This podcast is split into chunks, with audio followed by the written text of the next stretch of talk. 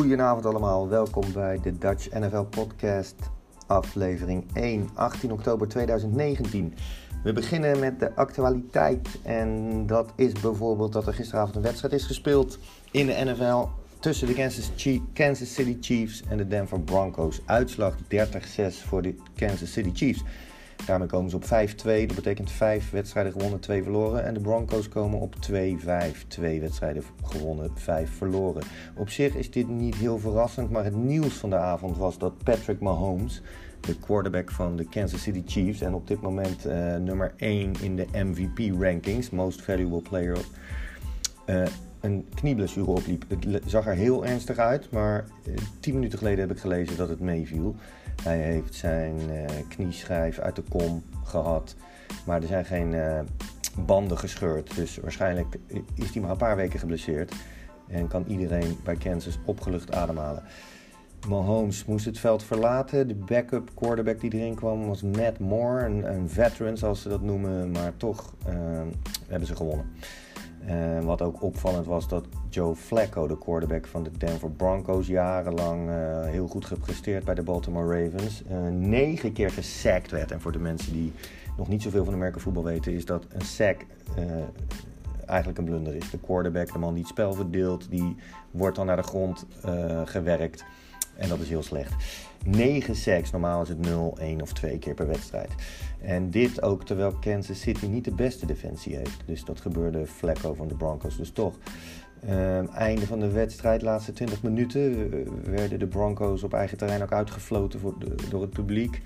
En ja, men zegt toch wel, iedereen heeft schuld. Flacco, de quarterback, de man die het team moet dragen. Ook de offensive line uh, coordinator. Ze hebben daar uh, bij die teams allemaal coaches per, per uh, groep binnen het elftal. Dus uh, de man die moet zorgen voor de aanvallen, maar ook de headcoach uh, zelf. Dus iedereen is daar toch wel een beetje in paniek, want er moet iets gebeuren. Tot zover de wedstrijd Chiefs Broncos 30-6.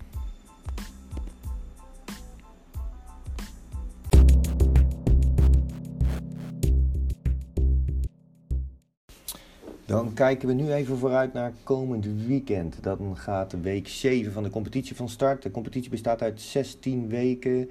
Duurt iets langer, want soms zijn teams vrij. Maar in ieder geval, elk team speelt 16 wedstrijden en daarna beginnen de play-offs.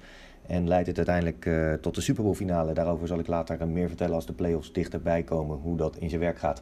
Komende zondag, de Rams moeten tegen de Falcons. Uh, de Falcons hebben vier keer achter elkaar gewonnen tegen de Rams de laatste keren.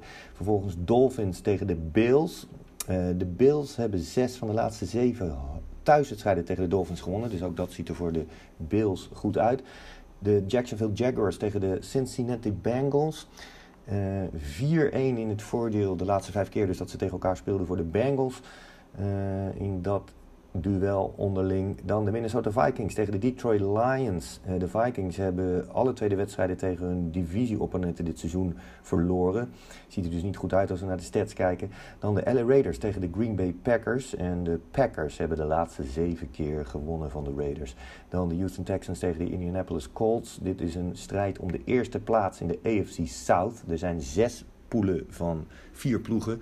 Uh, sorry, acht poelen van vier ploegen. En in de AFC South strijden deze twee teams zaterdag om de eerste plek.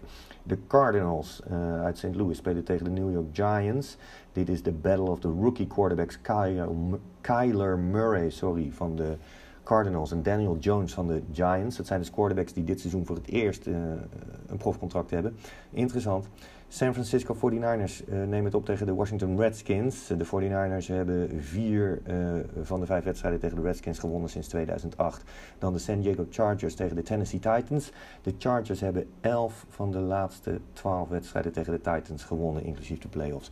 Dan de New Orleans Saints tegen de Chicago Bears. Teddy Bridgewater van New Orleans heeft zeven van de laatste acht uitwedstrijden gewonnen.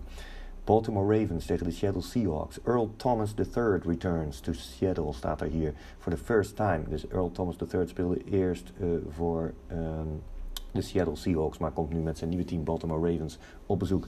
En dan hebben we nog de Eagles uit Philadelphia tegen de Dallas Cowboys. De Cowboys hebben 19 thuiswedstrijden gewonnen sinds 2016. En daarmee staan ze gedeeld derde in de hele NFL. Um, Dan hebben we ook nog New England Patriots tegen de New York Jets. En de Patriots hebben de laatste 15 van de 17 wedstrijden tegen de Jets gewonnen. En de Patriots uh, ja, die zijn de huidige Super Bowl winnaar en zijn ook torenhoog favoriet om dit jaar de Super Bowl weer te winnen. Dat uh, voor wat betreft de wedstrijden die voor komend weekend op het programma staan.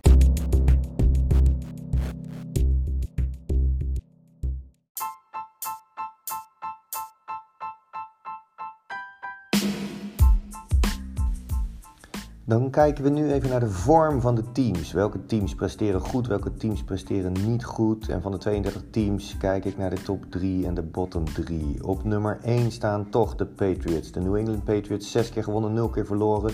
Maar daar moet wel de kanttekening bij geplaatst worden dat ze een makkelijk schedule hadden.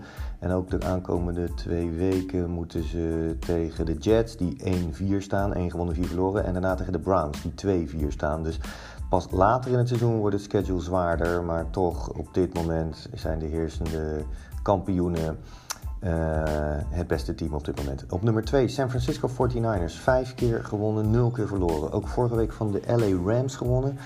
Die uh, de beste offense tot nu toe hadden. Maar de defense van de San Francisco 49ers uh, is het toch weer gelukt om hun slechts 157 yards toe te staan. En daardoor staan zij op dit moment op 2 qua mijn ranking van welk team op dit moment het best presteert. Op de nummer 3 positie de New Orleans Saints. Nadat hun star quarterback Drew Brees in eh, de tweede week, dacht ik, geblesseerd raakte, hebben ze toch vier keer gewonnen en nul keer verloren. Ze staan nu op 5-1, vijf keer gewonnen, één keer verloren.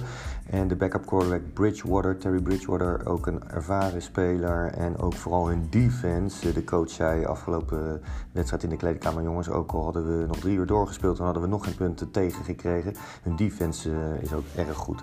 Dus 1, 2 en 3. New England Patriots, San Francisco 49ers en de New Orleans Saints. Aan het uh, einde van de ranglijst, zeg maar onderaan. De slechtste drie teams op dit moment op uh, 30.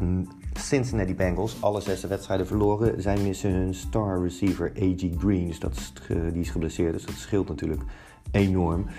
En uh, ze hebben ook een nieuwe coach, Zach Taylor. En dat is ook altijd vrij lastig is gebleken in de historie van de NFL.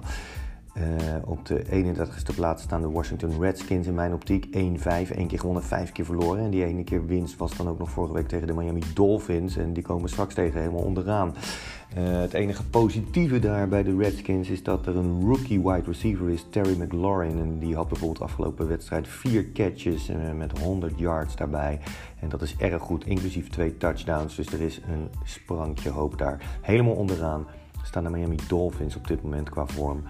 En hun quarterback, om even een stat te geven die alles zegt eigenlijk, Josh Rosen, die heeft uh, gemiddeld in de laatste wedstrijd had hij min 9 air yards. Dat betekent als een quarterback de bal paast en gooit naar voren, dan uh, representeert dat natuurlijk een aantal yards. En deze jongen heeft het gepresteerd om in een wedstrijd een negatief aantal yards te hebben. Dus dat is echt heel slecht.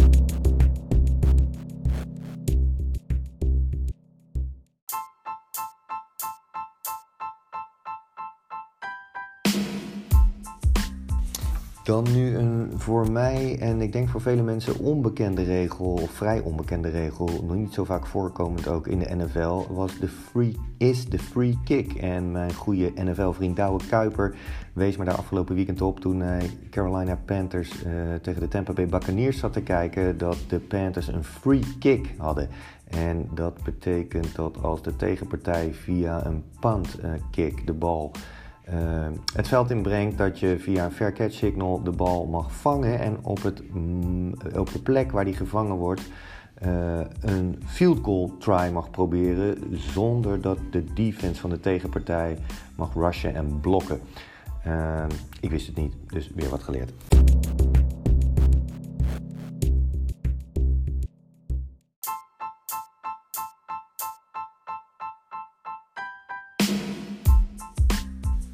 Tot zover aflevering 1. Ik wil het redelijk kort houden elke keer. Zeker aan het begin. Even kijken hoe het uh, uitpakt en welke reacties ik krijg. En of ik reacties krijg.